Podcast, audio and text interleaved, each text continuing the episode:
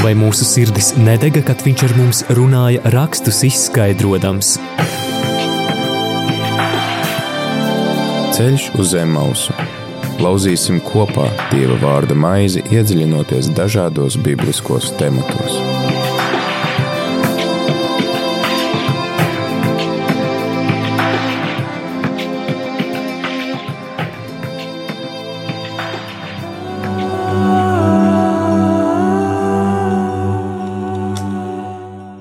Radījumā arī Latvijas klausītāji 4 un 1 minūte 4. 17. septembrī ar tevi ēterā priesteris Pēteris Skudra un laiks raidījumam ceļš uz Emausu.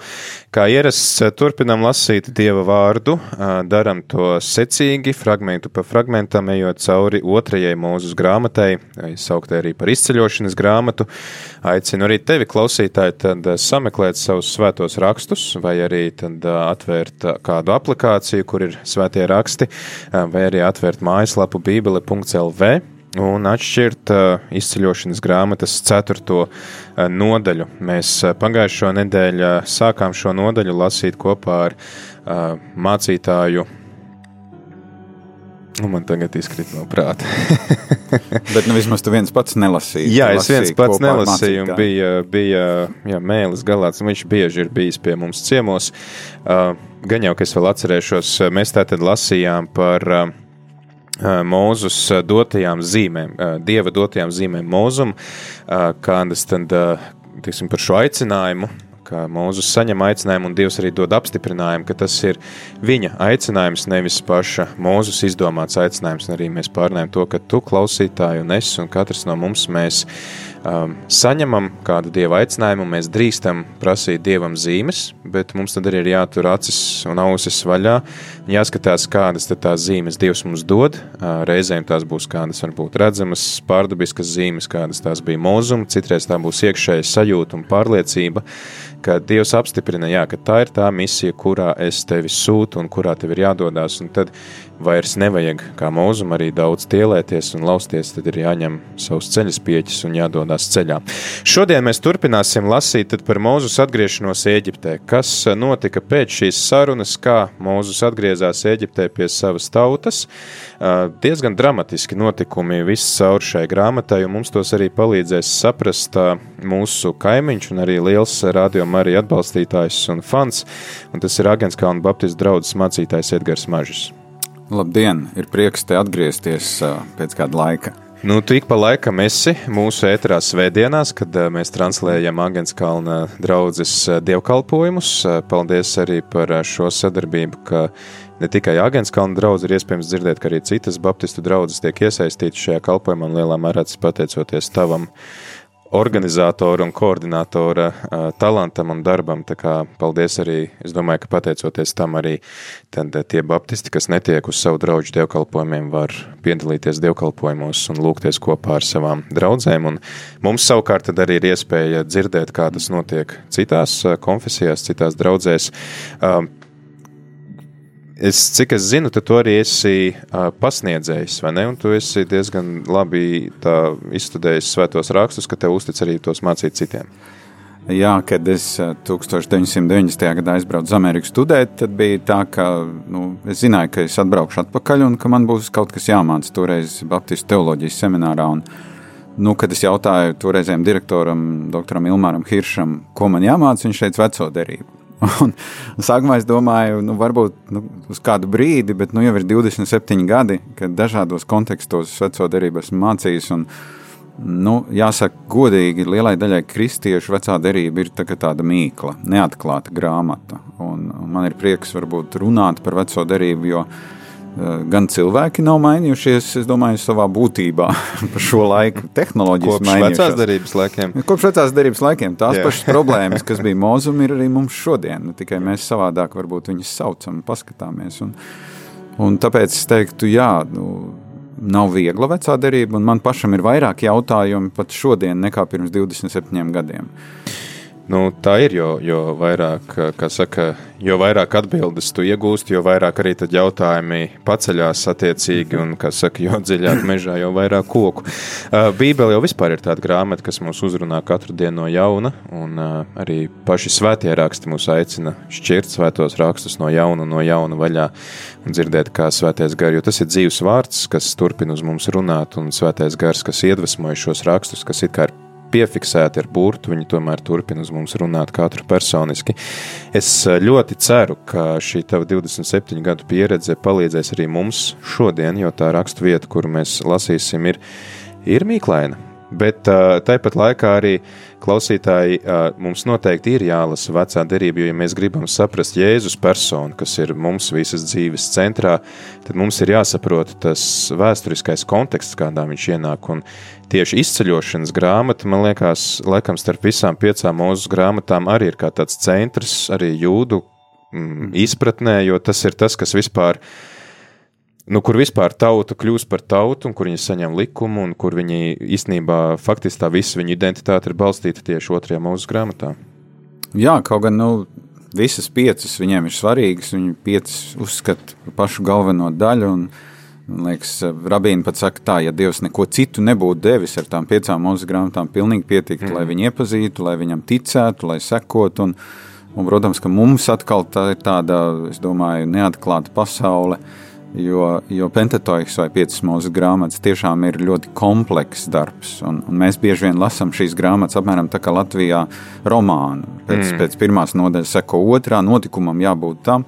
Bet mums ir jāsaprot, ka šī, šo piecu grāmatu veidošanas ceļš ir bijis ārkārtīgi garš un var runāt tikai par kaut kādu 400 gadu pirms Kristus, kad nu, Pentatoiks iegūst to um, formu, formu, kāds ir šodien. Mm. Un, un tāpēc mums nevajadzētu uztraukties par to, ka dažreiz tur notikumi it kā neloģiski notiek. Jo, jā, nu, atkārtojās. Jā. Atkārtojās, protams, bet, bet redzēt, ka patiesībā katram notikumam ir sava nozīme. Un es domāju arī par to, ko teicu par svēto rakstu lasīšanu. Ka, ka šodienas cilvēkam, man liekas, no vienas puses ir vieglāk lasīt ar prātu, un, un lai pieslēgtu jūtas, nevienmēr atliek laika. Mm. Un tad ir tas lielais jautājums, vai tu baro sevi tikai ar tādām prāta zināšanām, kuras tev varbūt, nu, protams, palīdz. Jā, bet es teiktu, nu, kā izdzīvot to, ko es lasu. Jā, ko svētais gars grib pateikt caur šo seno tekstu, ko mēs tulīt lasīsim. Vai tas ir, o, jā, tur vēsture tā, tā, bet ko tas, nu, ko tas man pasaka? Un arī, arī lieldienu kontekstā, kas it kā ir mūsu centrālais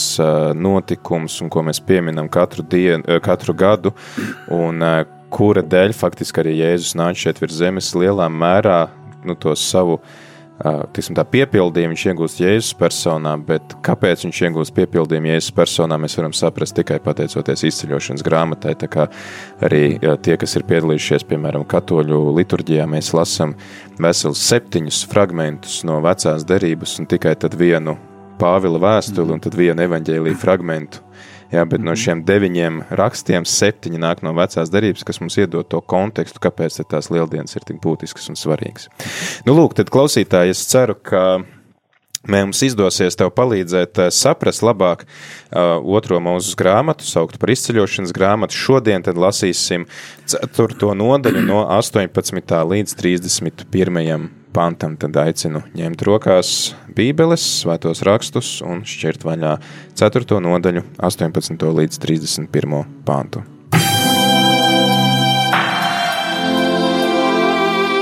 Vai mūsu sirdis nedega, kad viņš ar mums runāja, rakstus izskaidrojams? Ceļš uz zemes mausu. Lauzīsim kopā Dieva vārda maizi, iedziļinoties dažādos bibliskos tematos.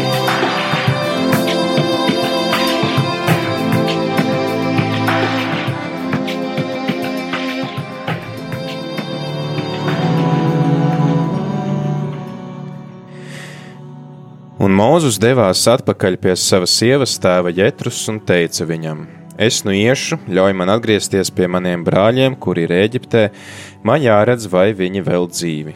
Un Jētrus teica Mūzum: Ej ar mieru! Midjāna kungs teica Mūzum: Ej, atgriezies Eģiptē, jo visi tie vīri, kuri lūkoja pēc tavas dzīvības, ir miruši. Mūzus ņēma savu sievu, dēlus, uzsēdināja tos uz ēzeļa un atgriezās Eģiptes zemē. Mūzus paņēma dieva spieķi rokā. Un kungs teica Mozum, kad tu dosies atpakaļ uz Eģipti, pielūko, es tev esmu devis visus šos brīnumus, dari tos faraona priekšā. Bet es nocietināšu viņa sirdi, un viņš nelaidīs tautu. Saki faraonam, tā saka kungs, mans pirmdzimtais ir Izraels un es tev saku, atlaid manu dēlu, lai viņš man kalpo, bet ja tu lieksies viņu atlaist, redzi, es nokaušu tavu dēlu, tavu pirmdzimto. Un notika tā. Pa ceļam nakšņošanas vietā viņam uzbruka kungs un lūkoja viņu nonāvēt. Tad Cipora paņēma klinšu šķēpeli, nogrieza sava dēla priekšādu, pieskārās viņa kājām un teica: Nu, tu man esi asins līga vainis. Tad viņš no tā atstājās un viņa teica: Asins līga vainis pēc apgaizīšanas. Un kungs teica Āronam: Dodies tuksnesī pretī mūzum. Viņš gāja un sastapa to pie dieva kalna un skūpstīja to. Un Mozus pastāstīja Āronam visu kunga sacīto, ko viņš tam bija teicis, un par visām zīmēm, par kurām viņš tam bija pavēlējis. Tad Mozus un Ārons gāja un sapulcināja visus Izrēla dēlu vecajos. Un Ārons runāja visu, ko kungs bija teicis Mozum, kas tautas priekšā rādīja zīmes. Un tauta ticēja, viņi klausīja, jo kungs bija stāvējis klāt Izraēla dēliem. Viņš bija redzējis viņu spaidus, un tie zemojās un klanījās.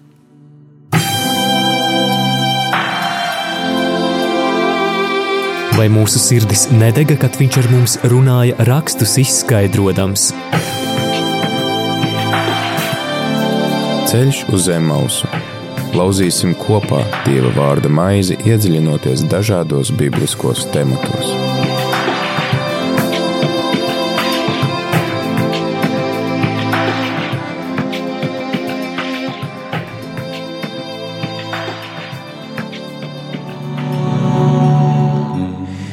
Tāda lūk, šī izceļošanas grāmatas 4. nodaļas 18. līdz 31. panta noskaņa.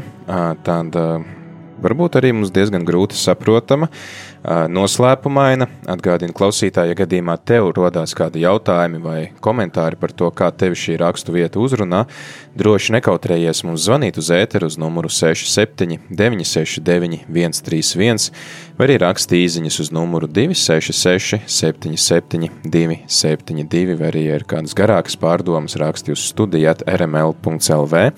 Mēs ļoti priecāsimies, jā, ja tu padalīsies arī vienkārši, kas tev uzrunā, kas ir tas vārds vai teikums, kas tev liekas svarīgs, jo kaut arī mēs cenšamies šajā raidījumā izprast šos tekstus tā intelektuāli, noteikti, ka arī mēs varam uz to paraudzīties no tādas personiskās pieredzes un kā mūsu katru personīgi šis Dieva vārds uzrunā šodien, jo tā ir vēl viena iespēja lasīt šo vārdu un ļaut tam runāt uz mūsu sirdīm. Kopā ar mums šajā raidījumā tad arī Agenskalna draudz, draudzes baptistu mācītājs Edgars Mažis. Un, jā, tātad Mūzus saņem dieva aicinājumu, dodies, ņem rokās pieķi, dari tās zīmes, ko es tev esmu devis. Mūzus aiziet pie savas sievas tēva, saka, man tad ir jādonās atpakaļ uz Eģipti, apraudzīt brāļus, vai viņi vēl dzīvi. Interesanti ir tas, ka arī pirmo mūsu grāmatu lasot, tur ir diezgan interesantas tās interpretācijas, kā cilvēki nodod viens otram informāciju. Jo mūzum īstenībā jau ir cits vēstījums, kāpēc Dievs viņam saka doties uz Eģipti, viņš aiziet pie sievas tā un saka, ai, es aiziešu apraudzīt, kā tur iet maniem brāļiem. Jā, man liekas, ka nu, viņš baidījās varbūt nu, jāņem vērā tas uh, emocionālais fons, kas ir. Beigās, nu, pirms viņš iet atpakaļ, tur jau iepriekšējā ceturtdienā jūs skatījāties. Dievs kļūst dusmīgs. Liekas, ka nu, Dievs ir mēģinājis pierunāt mūzu, un pierunāt, un zīmes, un tas, un beigās, beigās mūzis tik un tā saka, viņš saka, nu, sūta jau citu. Un tagad nu, tā, tā situācija, viņam ir jāiet. Viņš saprot, nu, ka viņš nevar vairs pretoties Dievam, uh, Un uh, iespējams, ka viņš baidījās Ietrum to teikt, ka viņam ir tāds uzdevums, Ietrus viņu pazina, viņš ir 40 gadus bija lopus ganījis, viņam likās, nu, nu zini, klausies, nu, lopus ganīt viena lieta. Saules dūrienu būs dabūjis kaut kā tūkstnes. Tieši tā, kaut kas tāds pilnīgi neloģisks. Un, Bet nu, viņam formāli vajadzēja pie savas sievas tā vietu, jo viņš pie viņa dzīvoja. Un, un arī kaut kādā ziņā bija tā kā arī padoties, var teikt, strādāja. Jā, strādāja viņa labā. Un, un, un tā pašā laikā interesanti ir arī tas, ka kaut arī viņa ģimene aiziet mūzumu līdz uz Eģipti, pēc tam, kad viņi ir izgājuši no Eģiptes, Jētrus atved, atved viņa sievu un bērnus pie Mūzus. Tas liek domāt, ka viņi uz kādu īsu brīdi bija kopā ar Mūzu Eģiptē. Es pieņemu, ka tur tajā mocību jūklī varbūt, ka Mozus teica sievai un bērniem, ejiet uz mierīgāku vietu, jo tur, tur tās nodaļas ļoti dramatiskas. Jā, un tad uh, sievas tēvs viņam arī saka, ej ar mieru. Uh, mm -hmm. Tas arī ir tāds uh, bieži vien sveiciens, kas ir raksturīgs jūdu un laikam vispār tajā austrumu kultūrā, šis uh, šalom, mm -hmm. uh, gan sasveicinoties, gan arī tad uh, atvadoties, ej ar mieru, uh, vai tam ir kāda Kad... Nē, nu, tas vārds ir ļoti bagāts. Redz, tas vārds šalom ietver sevī ne tikai tādu, mēs sakām, ej ar mieru, jā, bet drīzāk tā ir tāda svētība, tur, iet, tas, tur arī norimšanās, tur ir tāda piepildītība. Tur kaut kādā ziņā tas cilvēks, kurš tev vēl to mieru, viņš saka, nu, lai tev tad ceļā ir arī drošība, ka tev tur neviens neatbalsta. Jo, jo šis vārds ir arī iekļauts eh, jūdiem centrālajā pilsētā Jeruzalem, Jerušalom, jā, kā mm -hmm. tā tad arī miera pilsēta, tā varētu teikt. Jā, kaut kādā ziņā. Bet redziet, redz, es teiktu, ka. Kas vēl nu, joprojām nav nekāda mierīgā ne, vieta. Tur, tur miera, ja skatāmies politiskas, politikas vēsturi. Tur miers trūkst. Bet redziet, tas atkal. Nu, Tās viņu svētības vārdi, nu, piemēram, arī vienā no psalmiem ir, kur mēs lietojam, piemēram, tas kungs, lai svētītu tavu iziešanu, ienākšanu no šī mm. laika mūžīgi, ko mēs kapos dažreiz svētam aizgājēji Viņiem tā bija vienkārši tāda svētība, kas jaunajā tulkojumā ir iztulkota, nu, kad tu iesi vai nāksi, lai tas kungs tevi svētī. Respektīvi, mēs tevi pavadām ar svētību, un tad tu nāc atpakaļ, un, un tad tā būs arī svētība, kad tu atnāksi atpakaļ. Jo miers ir arī viena no dieva klātbūtnes zīmēm ka ir miers. Tas tātad arī tādā zināmā mērā tāds, tād norāda uz to, ka lai tad Dievs ir ar tevi. Nākamajā pantā parādās Midjāna kungs, kas saka Mozum, viņš tātad runā ar savu sievas tēvu Jetrus, un pēkšņi parādās Midjāna kungs. Vai tas ir tas pats personāžs? Vai... Tu zini, man te ir atkal Midjānā, kad kā apdzīvot vieta Midjānā, kungs teica Mozum. Tātad tas būtu kā Dievs. Tas ir Dievs, kurš konkrētā vietā, Aha. Midjāns kā, kā geogrāfiska vieta, piemēram, nezinu, grobiņā vai saldū. Nu, viņš Jā. ir ceļā, okay. un viņam Dievs, Dievs īstenībā atkārto. Tas ir interesanti. Mm. Liekas, ka viss jau ir pateikts tur tajā nemitīgajā strīdus, strīdus dialogā, bet, bet tomēr Dievam ir vēl kaut kas jāpasaka, ko, ko vai arī jāatgādina kaut kādā ziņā vēlreiz, nu, lai viņš zinātu, uz kurien viņš iet.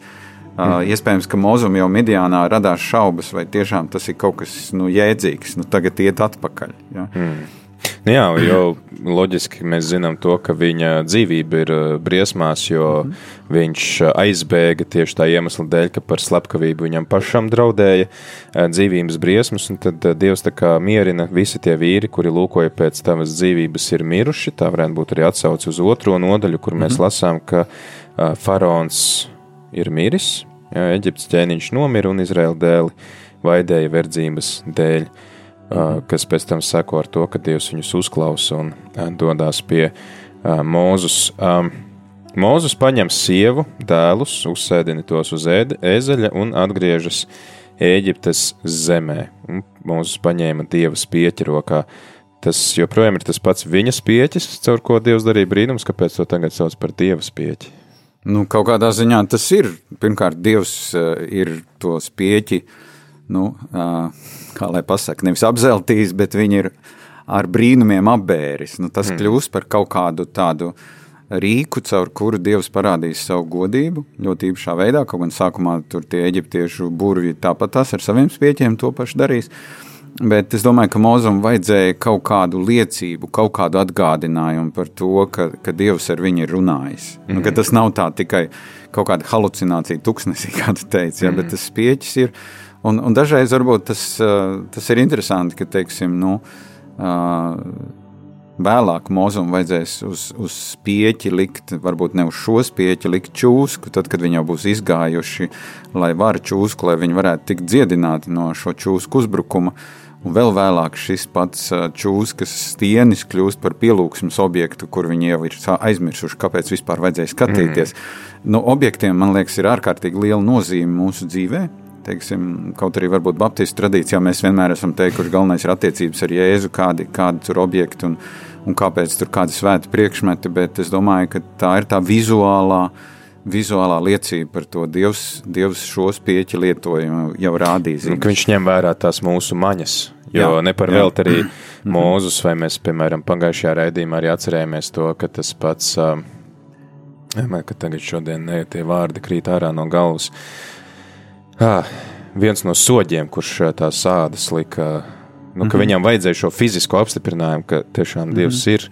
Mm -hmm. Un tad, tad arī šis pieķis, ar kuru Mūzus pēc tam izved tautu, vai, ja mēs ņemam vērā to, ka jaunā derība velk ļoti daudz paralēlas apzināti ar Jēzu Kristu, kā ar jauno mūzu, ka varbūt šis varētu būt arī kā tāds krusta pirmtēls, ka Jēzus ar savu krustu mūs izved šajā, teiksim, apsolītajā mm -hmm. zemē, kas ir Dieva valstība, ka tas varētu būt jau kā tāds pirmtēls, ko mēs varam saskatīt kā mm pravietojumu. Noteikti, noteikti, jo es domāju, ka tas atkal ir tas atgriešanās pie tās čūskas Jāņa 3, kur Jēzus saka, tāpat kā čūska tika paaugstināta, mm. arī cilvēka dēls tiks paaugstināts. Noteikti, noteikti tas ir simbolisms, tas tiešām nav vienkāršs. Vienkāršs pieķis, un, un, un es domāju, nu, arī nevelti baznīca tik lielu vērību piegriež Kristus krustam. Mm. Un ne tikai katoļu baznīca. Varbūt mums nav īpaša diena, kuru mēs svinām, bet, ja paskatītos Baptistu dziesmu grāmatā, mums ir ļoti daudz dziesmas, kuras tieši apdzieda Kristus krustu un, un viņa spēku. Un, ja mēs tieši pirmdien arī svinējām krusta pagodināšanas svētkus, kas atgādina par šī nu, mm. instrumenta nozīmi arī paša Jēzus, jo viņš arī bieži runā par to, kas neņem savu krustu un es, ko mans nevar būt mans mācīlis, mm -hmm. cik, cik liela nozīme, cik būtisks ir krusts, caur kuru mums ir nākusi pestīšana. Uh, kungs atkal runā uz mūzu un saka, ka tu dosies. Interesanti, ka te ir teikts, ka Mūzes jau ir Eģiptē, un pēc tam, ka mūz, mm -hmm. kungs saka atkal mūzum, ka tu dosies atpakaļ uz Eģipti, mhm. pielūkojas tev esmu devis visus šos brīnumus, dari tos faraona priekšā, bet es nocietināšu viņa sirdi, un viņš nelaidīs tautu. Uh, tā ir tāda viena tāda grūti saprotama lieta, ka, kad es ja nemaldos, deviņas reizes pēc tam būs šie teksti, ka mm -hmm. vai faraons nocietināja savu sirdi, kungs nocietināja faraona sirdi, faraona sirds nocietinājās, tad kungs uzdod mūzumu darbu, un pēc tam pats kā apgrūtina viņa darbu, nocietinot šī te vēstījumu saņēmēja sirdi, kāpēc nevar teikt, ka mm. Dievs uh, runās uz faraona sirdi, lai, lai tieši otrādi, lai atmaidzinātu viņa sirdi? Vai? Ne, nu, man liekas, tas skaidrākais ir redzēt, ka kaut kur pirmās piecas, sešas mocības faraons pats nocietina savu sirdi. Dievs nāk iekšā pie kaut kādas septītās mocības, jo, jo tur ir man šeit tāda interesanta loģika, ka ka faraonā pašā ir kaut kas tāds, kas nocietina viņa sirdi pret Izraēlu dievu. Uh, un tas var būt gan nacionāli orientēts, tāpēc, ka redzēja nu, izrēlieši un viss, kas notika ar, ar Jēkabu, viss, ar Jāzepu, kas viss notika Eģiptē, tie bija tie sliktie izrēliešu, eģiptiešiem sliktie gadi, kad Hiksi valdīja, un tagad nu nāk viņu pašu valdnieks, un viss, kas saistās ar tiem valdniekiem, viss, ieskaitot viņu reliģisko sistēmu, viss ir jāpakļauj, jā, jāieliek verdzībā izrēlieši, tāpēc, ka viņi reprezentē to laiku, kad pašiem eģiptiešiem, nu, nu savus vadītājs nebija, kad bija kad bija faraons, kurš ne tikai Jāzepu pazina, bet kurš Jāzepu uztaisīja par numuru divi valstī. Un tāpēc es teiktu, ka tas, tas ir kaut kāds jau bišķi nacionāls naids pret to. Te varētu būt kaut kāds antisemītisms jau tajā faraonā iekšā.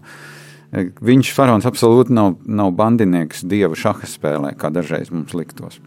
Bet tad kā saprast tās eh, rakstu vietas, ka nu, Dievs eh, tur arī citviet runā par, par to, ka Dievs nu, it kā dara tādas sliktas lietas, jo nu, teiksim, tas, tas skaidrojums, ko es esmu atradis mm -hmm. un kas man palīdz, ir tas, ka jūdiem ir tādā veidā bijis svarīgi parādīt, ka nekas nenotiek bez dieva ziņas, un ka arī kā, teiksim, tas, ko Augustīns teiktu, ja, ka pat ļaunumu dievs pakārto sev tā, ka ļaunums beigās kalpo viņa plānam, mm -hmm. bet ka viņš nav šī ļaunuma iniciators, bet tiksim, varbūt no, no tīri nu, no tās šīs bībeles teoloģijas skatījuma, kā bībeles pētnieki saprot šos vārdus, vai kas ir tas, tiek, ko jūdu autors saka? Vai, ne, nu, nu, protams, ka šajā posmā, es domāju, izrēliešiem ir pilnīgi skaidrs, ka Dievs no Dieva saņem visas lietas. -hmm. Arī sliktas. Ja? Un sliktas lietas parasti ir tad, kad cilvēks ir bijis nepaklausīgs, viņam ir jāsaņem kaut, kāda, kaut kāds sots, viņam ir jāsaņem. Tas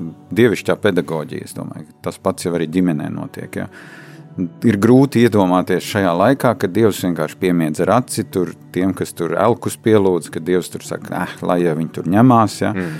Un, un, kaut gan es šodien lasīju kaut kur tādu ļoti interesantu teikumu, man liekas, vienā no komentāriem, ka uh, ka ne jau Dievs soda, bet cilvēka grēks viņu soda.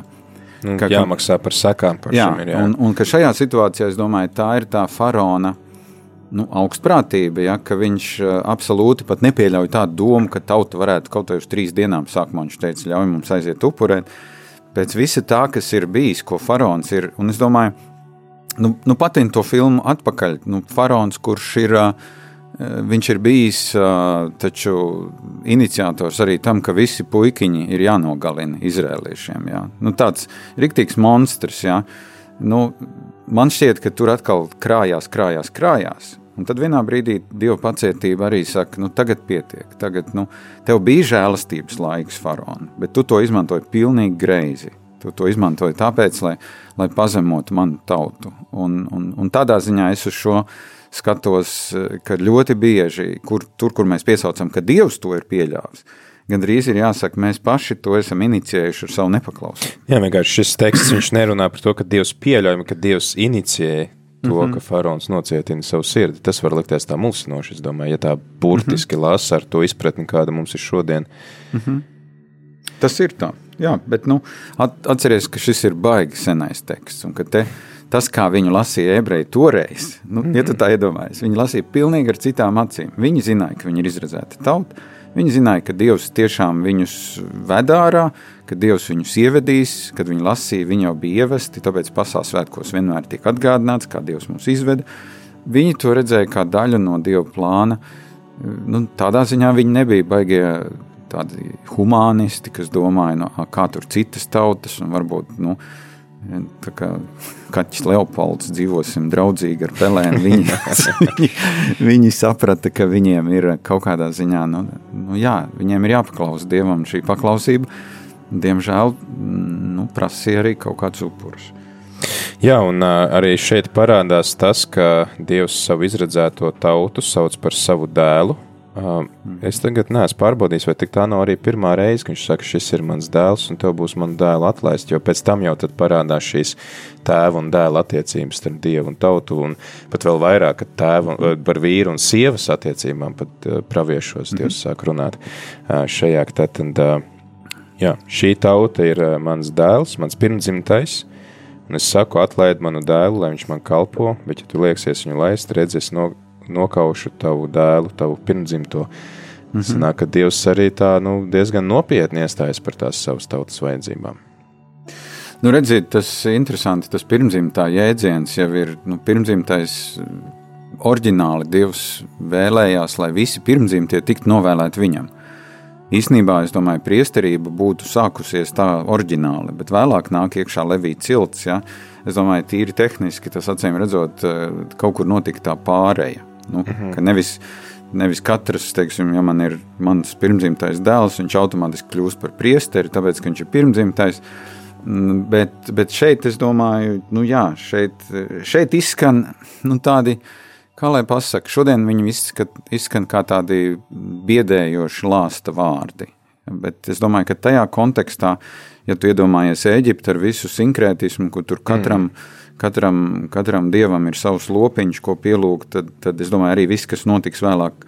Eģiptē ir tāda ironiska paskatīšanās uz to, cik šie pagānu dievi ir bezspēcīgi. Hmm.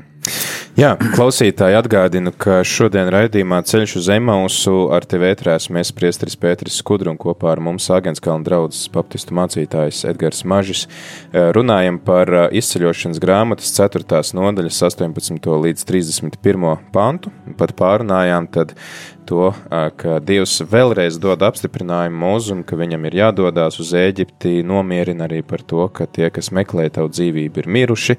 Tad faraons, kas tajā laikā valdīja, jau ir nomainījies, viņa vietā ir cits, un ka viņš arī tad atgādina šo vēstījumu mūzum, ar kādu tad uh, viņam ir jādodas pie faraona, drosmīgi uh, sakot to, ka lūk, šī izredzētā tauta ir mans pirmdzimtais dēls, un tev būs viņu atlaist, kas arī varētu būt atsauce uz to, ka tie iepriekš tie bērni tika slepkavoti. Uh, Jā, ka tagad tad, lūdzu, lūdzu, laid viņus kalpot man.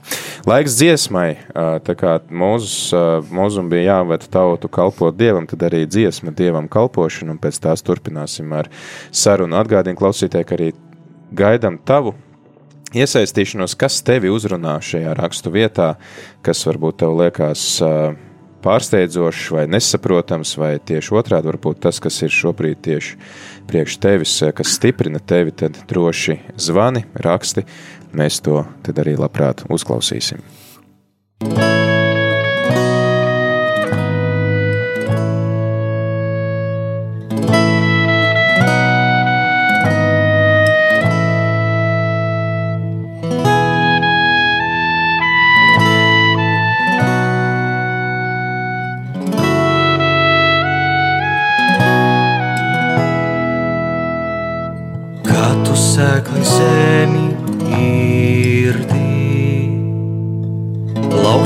Izslāpušu dzirdī.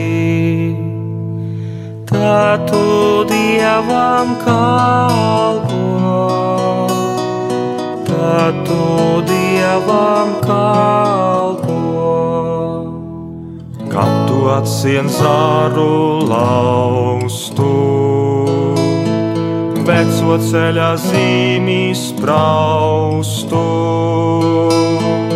tad tu dievam kalpo, tad tu dievam kalpo. Kad tu līgstā neputvašu, necels pārnos putnu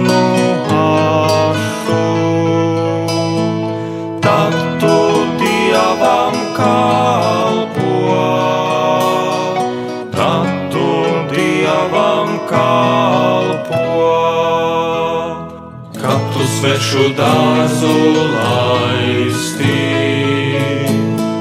Priecājies, cik augļi skaisti. Tad tu dievam kalpo, tad tu dievam kalpo. Kad tu vienmēr gatavs doties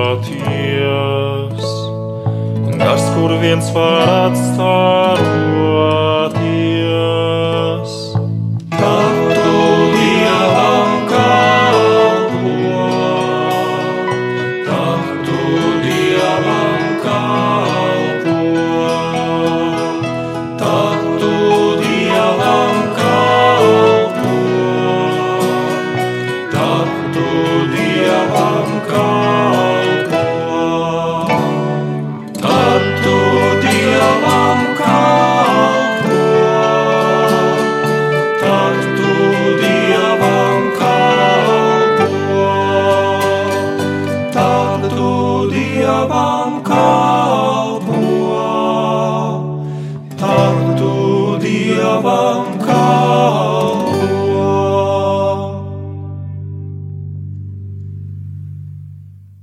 Ar tevi Radio Marija Latvija. Turpinām ēteru ar raidījumu Ceļš uz Emausu. Iepriekš pārunājām Mūzus atgriešanos Ēģiptē.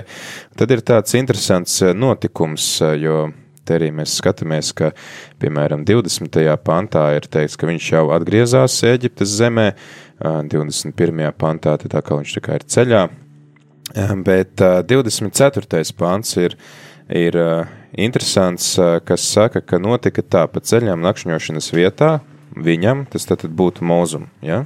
Mhm. Mūzum uzbruka kungs un lūkoja viņu nonāvēt. Tad Cipora, Cipora paņēma kliņš ķēpeli, nogrieza savu dēlu priekšādu, pieņē, pieskārās viņa kājām un teica, nu tu man esi asins līgavainis. Dievs uzbrūk mūzumu, tas kaut kā varbūt arī atgādina jēkaba cīņu ar Dievu. Uh, tad uh, sieva naktī tagad iet pie sava dēla un, un apgraiza viņu. Un tad viņi iet tagad vēl pieskarās pie, pie Mūzus un saka, tagad tu esi man asins līgavainis. Mm -hmm. Kā to visu saprast, kas tur, kas tur notiek? Nu, šis, šis ir tas, kur es domāju, mums ar, ar to šodienas acīm skatoties, liekas, tur ir kaut kas ļoti neloģisks. Uh, Uh, es teiktu, ka Mozus ir palaidis kaut ko ļoti svarīgu garām. Kaut kāda iemesla dēļ viņš nav apgraizījis savu dēlu, kaut arī apgraizīts pats ir ticis. Jo visticamāk, pēc tā arī pazina Eģipti, Eģiptes faraona meita, ka viņš ir ebreju puisēns, ka viņš bija apgraizīts. Un, un šajā situācijā tas, uh, tas tikai parāda to, cik ļoti svarīgi ir, ka tas viņa bērns atgriežas Eģiptē kā, kā pilntiesīgs Izraēla tautas loceklis. Jo apgaizīšana nu, blakus visiem fizioloģiskajiem labumiem, ko deva šī apgaizīšana, īstenībā ir derības zīme. Derības zīme, un kaut kādā ziņā var teikt, ka. Bet vai Mozus zināja par šo derības zīmi, ņemot vērā to, ka viņš galmā nonāca dažu mēnešu vecumā, Eģiptes galmā nonāca dažu mēnešu vecumā, un vai viņam bija zināmas visas jūdu paražas? Es domāju, ka viņš ļoti labi to zināja, jo nu, tad viņam uzreiz būtu jājautā, kāpēc es esmu apgaizīts. Ja? Nu, mm. viņš, viņš, es domāju, ļoti labi zināja arī visu, kas notiek. Tad, ja viņš nebūtu arī to eģiptieti novācis, ja viņš nu, neaizstāvētu savu tautu, ja viņš būtu, mm. es teiktu, ka viņš, viņš, bija, viņš zināja abas puses. Un, un apgaizīšanas rituāls jau nāk Abrahamam. Tas jau nav tas, ir, tas jau ir fenomens, kur, kur mūzus jau būtībā mēs sakām, tā, tā jau ir vairāk gadu desmitu, gadu simtu tradīcija. Jau, Bet kas ir interesanti, ka tad, kad mēs, ja mēs, es nezinu, kad mēs nonāksim līdz Jozoā grāmatai, bet Jozoā grāmata runā par to, ka tad, kad pirms uh, izrēlieši ieiet apsolītajā zemē, notiek šī masu apgaizīšana, kas nozīmē, ka viņi arī pa ceļam tajā tuksnesī nav beigas teikušies to darīt. Nu, jā, bet redz, Mozus ir, ir, ir piemērs. Nu, Mozum ir kaut kādā ziņā jābūt perfektam. Kaut gan nu, Mozus arī tur viņš ir aprecējis uh, neīsto sievu, ja tā skatās nu, pēc, pēc visiem priekšrakstiem. Tā nav ebrejiet un tālāk. Bet, bet es domāju, ka šis ir atkal tas, uh, tu pareizi saki, ka nu, cilvēcīgos vārdos ir ļoti grūti ielikt, kas notika tajā naktī.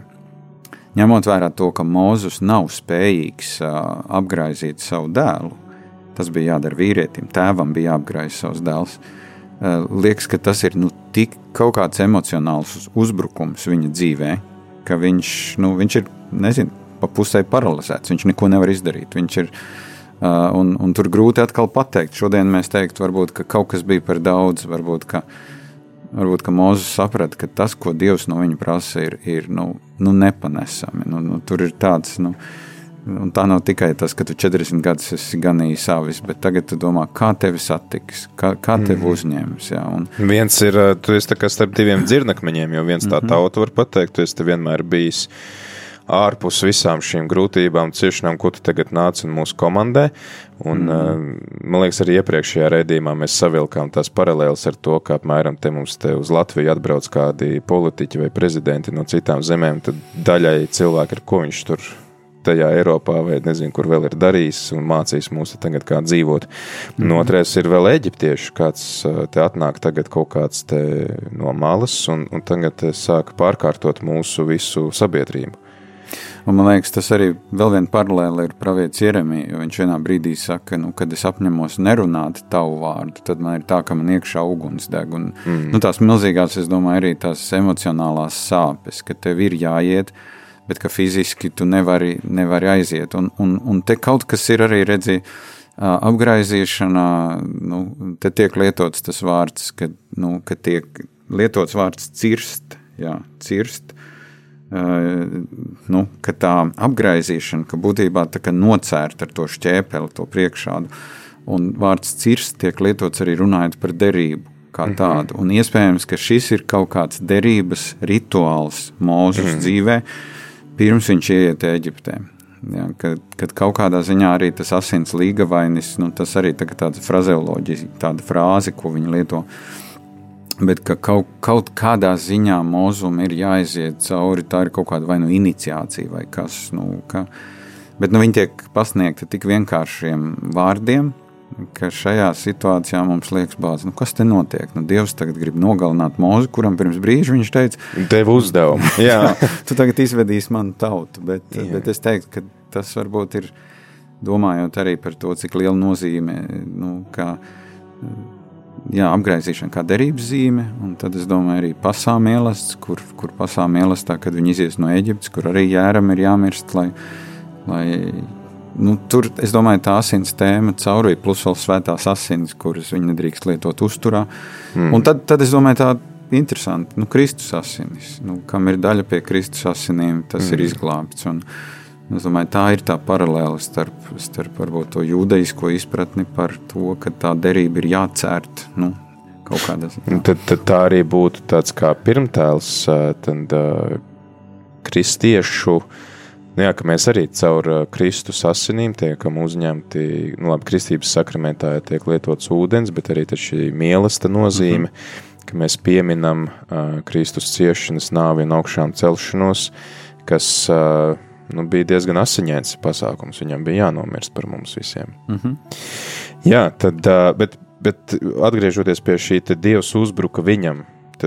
Kas, kas ir tas, ko jūdu autori ar to domā un ko jūdi nolasa šajā tekstā? Es, es drīzāk teiktu, ka tas ir vairāk tāds, nu, uh, ja mūzum nu, patās uh, bija Dievs teicis par faraonu, ka faraona sirds, uh, sirds ir nocietināta vai tiks nocietināta, un ka faraona pirmdzimtais ies bojā. Viena pat saka tā, ka šis ir viņa pirmdzimtais, kas tiek apgaizīts, ka neviens no viņa dēliem nav apgaizīts. Un, un mm. tas jau nu, ir tāds mūzum pašam brīdinājums, ka tu neesi izpildījis to, kas dievam ir ļoti svarīgs. Mm. Un kā tu vari runāt par dievu, kā tu vari mācīt par dievu. Un, un tas, man liekas, atkal tā ir tāda interesanta ilustrācija, domājot par garīdzniekiem. Ja, ka, teiksim, vienalga priesteri vai mācītāji, nu, tu, tu, tu nevari ilgstoši kaut ko tādu mācīt, ko tu pats nepraktizē. Ja, un es domāju, ka tā arī ir viena no tādām kristietības sāpēm, ka, ka ir arī šajā Covid laikā ļoti daudzi mācītāji pat, pat izdega un aizgāja prom no kalpošanas, un kādi pat Amerikā izdarīja pašnāvību. Viņi nevarēja to. Tas nozīmē, ka viņi dzīvo ilgstošā spriedzē. Mm. Un, un es domāju, ka šis, šis ir tāds tā kopsavilkums, nevis ka, nu, ka tas dieva brīdinājums skar arī pat mūzu. Ka Dievs neaizver acis, viņš kaut kādā mūzika, tu man esi vajadzīgs, nu tad, nu tad lai paliek neapgraizīt, gan jau kaut kad apgraizīs. nu, mm. Nu, nu, tas, tas ir, nu, tur ir kaut kāda loģika apakšā par to, nu, ka tev ir jābūt nomodā par savu namu. Jā, es atkal velku paralēlus ar to jēkabu, un ka arī reizēm tā lūkšana ir tiešām kā cīņa ar Dievu, ka tas nav vienmēr tāds em, emociju piepildošs pasākums, un reizēm tu, es Es atceros leģendas par Svēto Francisku stāstu, ka viņš esot, tad, kad viņš piedzīvoja to atgriešanos, viņš ar draugu, viņš teica, draugam, ejam meklēt dārgumus, un draugs sēdēja pie alas ieejas un domāja, ka viņš tiešām tur kaut ko roku un cērt, jo Francisks mm -hmm. esot nācis ārā tik fiziski nomocīts un nogurdināts, ka tas draugs mm -hmm. ilgu laiku domāja, ka viņš tiešām tur kaut ko roku un izrādās, ka viņš tur gāja lūgties. Ja, mm -hmm. Tas nav vienmēr tāds viegls process. Pāvilam tie bija trīs gadi, kas bija jāpavada tuksnesī, lai no. sāktu kaut ko darīt vispār. Es tev piekrītu. Man šķiet, ka šis ir atkal tas teikums, nevis ka tagad Dievs nāk ar nāzi, lai mūzu nogalinātu, bet drīzāk tā ir tā garīgā cīņa. Un, un bieži vien tajā garīgajā cīņā ir ir, tev ir jāizcīna viņu vienam pašam, bet šeit es domāju, cik superīgi, ka viņam blakus ir viņa sieva. Mm. Vis, visticamāk, ja, ja Cipora nebūtu bijusi blakus, un arī kur viņai bija gudrība, eh, pati būdama. Jo viņa nav jūdieta. Nē, Jā, viņa, viņa nav. Viņa, viņa ir pagānieta, un kur viņai bija gudrība šajā brīdī to darīt. Mm. Jā, tā ir, es domāju, atkal kaut kāda dievišķa gudrība, svētā gara gudrība. Sievietes intuīcija.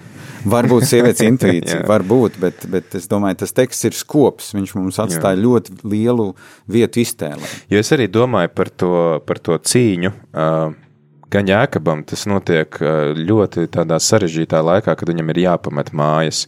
Mūzum tas notiek laikā, kad viņš ir saņēmis dieva pavēli, tev jāiet strādāt. Skaidrs, ka arī Un es domāju, ka, ja mēs velkam paralēlus, kā mēs pagājušo nedēļu vilkām paralēlus ar mūsu dzīvi, kad ja mēs saņemam un apzināmies to uzdevumu, ka Dievs mani tagad sūta, būs jau šie spēki, kas saprot, ka klausies. Nu, es likšu visus šķēršļus, lai tu tikai nedarītu to dievu gribu. Mm -hmm. Te man Mhm. nāk prātā pie, tādi gadījumi no svētā ārsas prāvesta Jāņem arī vienai dzīves, ka viņam prasa, jo viņu nu, viņš bija garīgi tik uh, spēcīgs, ka ļaunais gars viņu vairs ne tikai caur kaut kādiem kārdinājumiem mocīja, bet fiziskā veidā aizdedzinot mm. tur mēbeles un, un, un tā tālāk.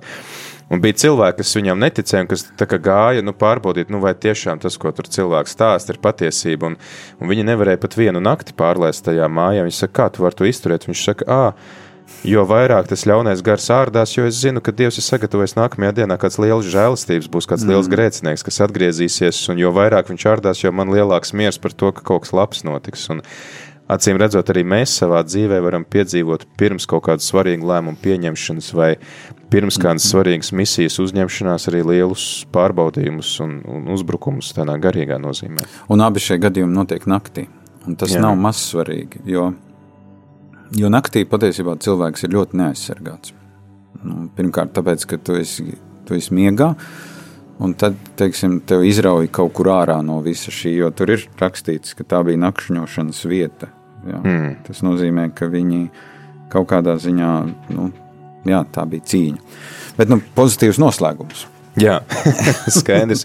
Te arī mēs varbūt varam redzēt to nu, citu cilvēku nozīmi. Jā, ir kaut kādas cīņas, kas man ir jāizcīna man pašam, bet ka šis līdzcilvēku atbalsts, nu, kā ir pie, piemēram, pie Jēzus, šie četri, kas atnes to paralizēto, ja viņu nav, jā, tad uh, bieži vien ir vajadzīga tā, nu, tiksim tā, tā žēlastība bieži vien nāk caur tiem citiem cilvēkiem. Un tāpēc kristietība nav individualistiska. Es domāju, mm. arī jūdaismā individualistiskums tādā ziņā, nu es viens pats kaut kur tur pie koka, tuksnesī vai vēl kaut kur, nu absolūti ne. Cilvēka vērtība aug tikai tad, kad tu esi kopībā ar citiem. Un tur viņi tev slīpē, tur viņi tev palīdz, tur viņi arī sarāja, kad vajag, un, un iepriecina. Jā, tad beidzot, beidzot arī šī nodaļa noslēdzas ar to, ka Mūzus sastopas savu brāli Āronu. Um, Ārons ir vecāks brālis, kā viņš būs, būtu izsprucis cauri tām bērnu galināšanām. Ja mūzum jau bija jāmirst pēc idejas, cik ļoti vecāks tas Ārons ir? Un... Es pieņemu, ka varbūt viņš, nu, nu teksts jau saka, ka vecmātes darīja visu, lai tos bērnus, tos puikiņus nenogalinātu. Ka tas īstenībā tas plāns nenostrādāja, jo bija gudras vecmātes. Kā mm. viņas atrada kādus ceļus, un, un es domāju, Arons viens droši vien gāja tieši tādā veidā.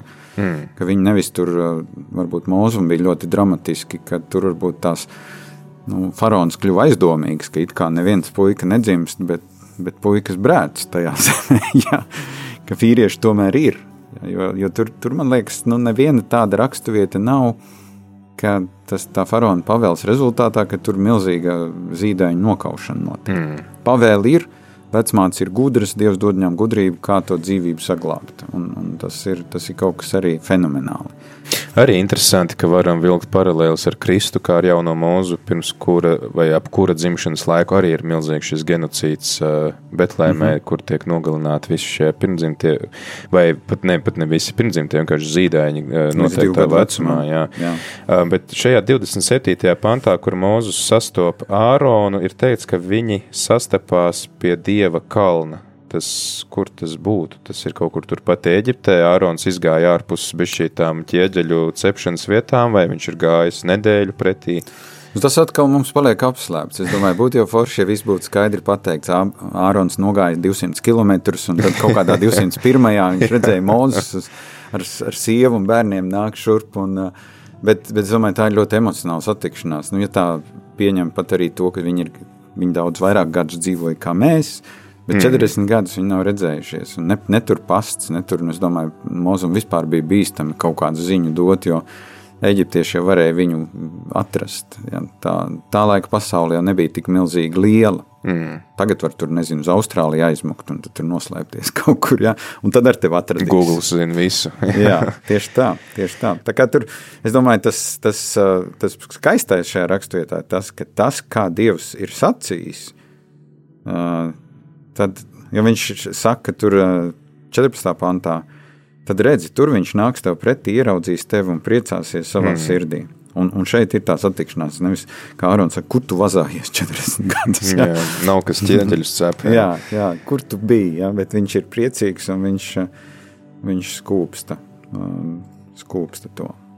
Brāli. Mm -hmm. Jā, bet tas arī interesanti. Vienīgi, ja viņi ir tik ļoti nomocīti, tad kā viņiem ir laiks uh, starp visiem darbiem tagad uh, saņemt šo iedvesmu, ai, es šodien došos ceļā, jo es tā padomāju, nu, man te ir jāizpilda norma, citādi tauta atkal dabūs iekšā. Es, tā, mm -hmm. Man uznāca iedvesma doties, doties ceļā, jā, un tagad vēl atnāk tas brālis un vēl sasaukt visus vecajos. Mm -hmm. nu, kas nozīmē, ka tad vēl cilvēki tiek atrauti no tā darba, un nu, tas nevar palikt nepamanīts ne tiem uzraugiem, ne arī tad, nu, tam darba rezultātam. Varbūt vakarā, varbūt viņi satiktos vecais vakarā. Bet es domāju, tas jau bieži notiek arī mūsu dzīvē, ka mēs, mēs sakām, tā bija tāda nejauša satikšanās. Bet mm. īstenībā Dievs bija režisējis, un mēs satiekam to īsto cilvēku. Un, un, un priecājamies, ka tajā dzīves brīdī tas cilvēks bija kā, nu, kā iedvesmas avots. Un, un, un es domāju, Mozum tas bija apliecinājums, ka Dievs ir labi režisējis, jo nekas Mozum nevajadzēja iet āronu meklēt. Mm. Ārons pats nāca viņam pretī. Un, un tā ir tāda, man liekas, paļāvība, ka Dievs, ka Dievs ir nomodā arī tad, kad mums cilvēcīgi izskatās baigi nedroši. Šī nodaļa beidzas ļoti pozitīvi, jo Mo, a, Mozus pastāsta Āronam visu, kas ir noticis. Ārons pastāsta tautas vecajiem, priekšā rāda zīmes. Tas bija šī tā kā arī izskatās, ka tāds triku, triku atpūtas Jā. vakars pēc smagas gara dar, garas darba dienas, un tauta ticēja, viņi klausīja, jo kungs bija stāvējis klāt Izraēla dēliem, viņš bija redzējis viņu spaidus, un tie zemojās un klanījās. Tātad tautai ir liels prieks par to, ka nu, viņus Dievs ir dzirdējis. Mēs gan nākamnedēļ lasīsim, ka tas prieks ir īss jo uzreiz nāk mūzum parādoties it kā šo priecīgo vēsti, tas nu, situācija paliek vēl sliktāka. Tad kas ir, teiksim, šodien lasot šo fragmentu, ko mēs nolasījām, kas varētu būt tas, ko mēs varam pārņemt šodien? Kas ir tas, ko Dievs mums saka šodien, 21. gadsimta latviešiem, ko mēs varētu teiksim, nest tālāk pārdomām, pirms mēs dodam vārdu nākamajam redzējumam? Nu, es domāju, ka aicinājums, dieva aicinājums un paklausība dieva aicinājumam. Un ar visu to mēs drīkstam arī pretoties. Man liekas, tas parāda to, ka nevis Mozus ir absolūti gatavs, bet, bet tas parāda to, ka Dievs ir ļoti pacietīgs gan ar mūzu, gan ar mums. Jo bieži vien mēs to aicinājumu nesaprotam. Mums liekas, nu, vai tiešām Dievs, vai man tur ir jāiet, vai man ar to cilvēku jārunā. Ja? Bet nereti tie ir tādi svētā gara skubinājumi. Un tad es domāju, paklausība, paklausība, kura tevi ved arī cauri tādiem neloģiskiem brīžiem, kur nu, paklausība dievam nenozīmē, ka viss ceļš būs taisns, nekāda bedru paklausība iet kopā ar pārbaudījumiem. Tu kaut kādā ziņā, nu, es teiktu, tas ir viens no vecās derības interesantiem momentiem, kad Dievs apsola gādāt, ir īpaši tuksnesī vēlāk, un tad viņš šo apsolījumu pats izaicina. Viņš apsola viņu sargāt, un tad viņš liek uzbūvēt nometni pie ūdens, kur, kur, kur eģiptieši uzreiz var nākt klāt. Ja. Mm. Viņš apsola gādāt, un tad viņš aizved tur, kur nav ūdens. Viņš aizved tur, kur nav. jā, bet viegli ir uzticēties Dievam, ka tev viss ir ok. Un tad es domāju, ka šīs kritiskās situācijas ir tās, kur varbūt arī Dievam ir.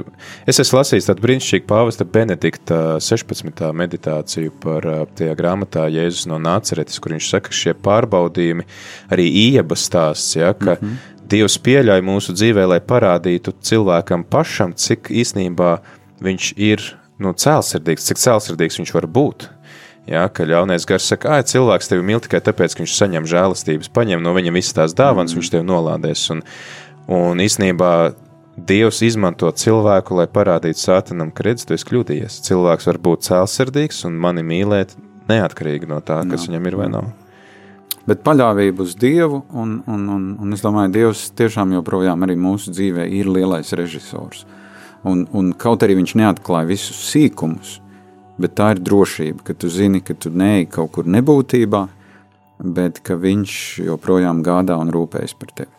Lielas paldies mācītājiem Edgaram Mažim par šo raidījumu, ka varēja būt kopā ar mums. Paldies arī tev, klausītāji, ka uzticīgi klausies. Cerams, ka nākamajā raidījumā būs arī lielāka tava iesaiste. Droši varat tad sagatavoties tagad raidījumam, kas skanēs laiks īstiem vīriem.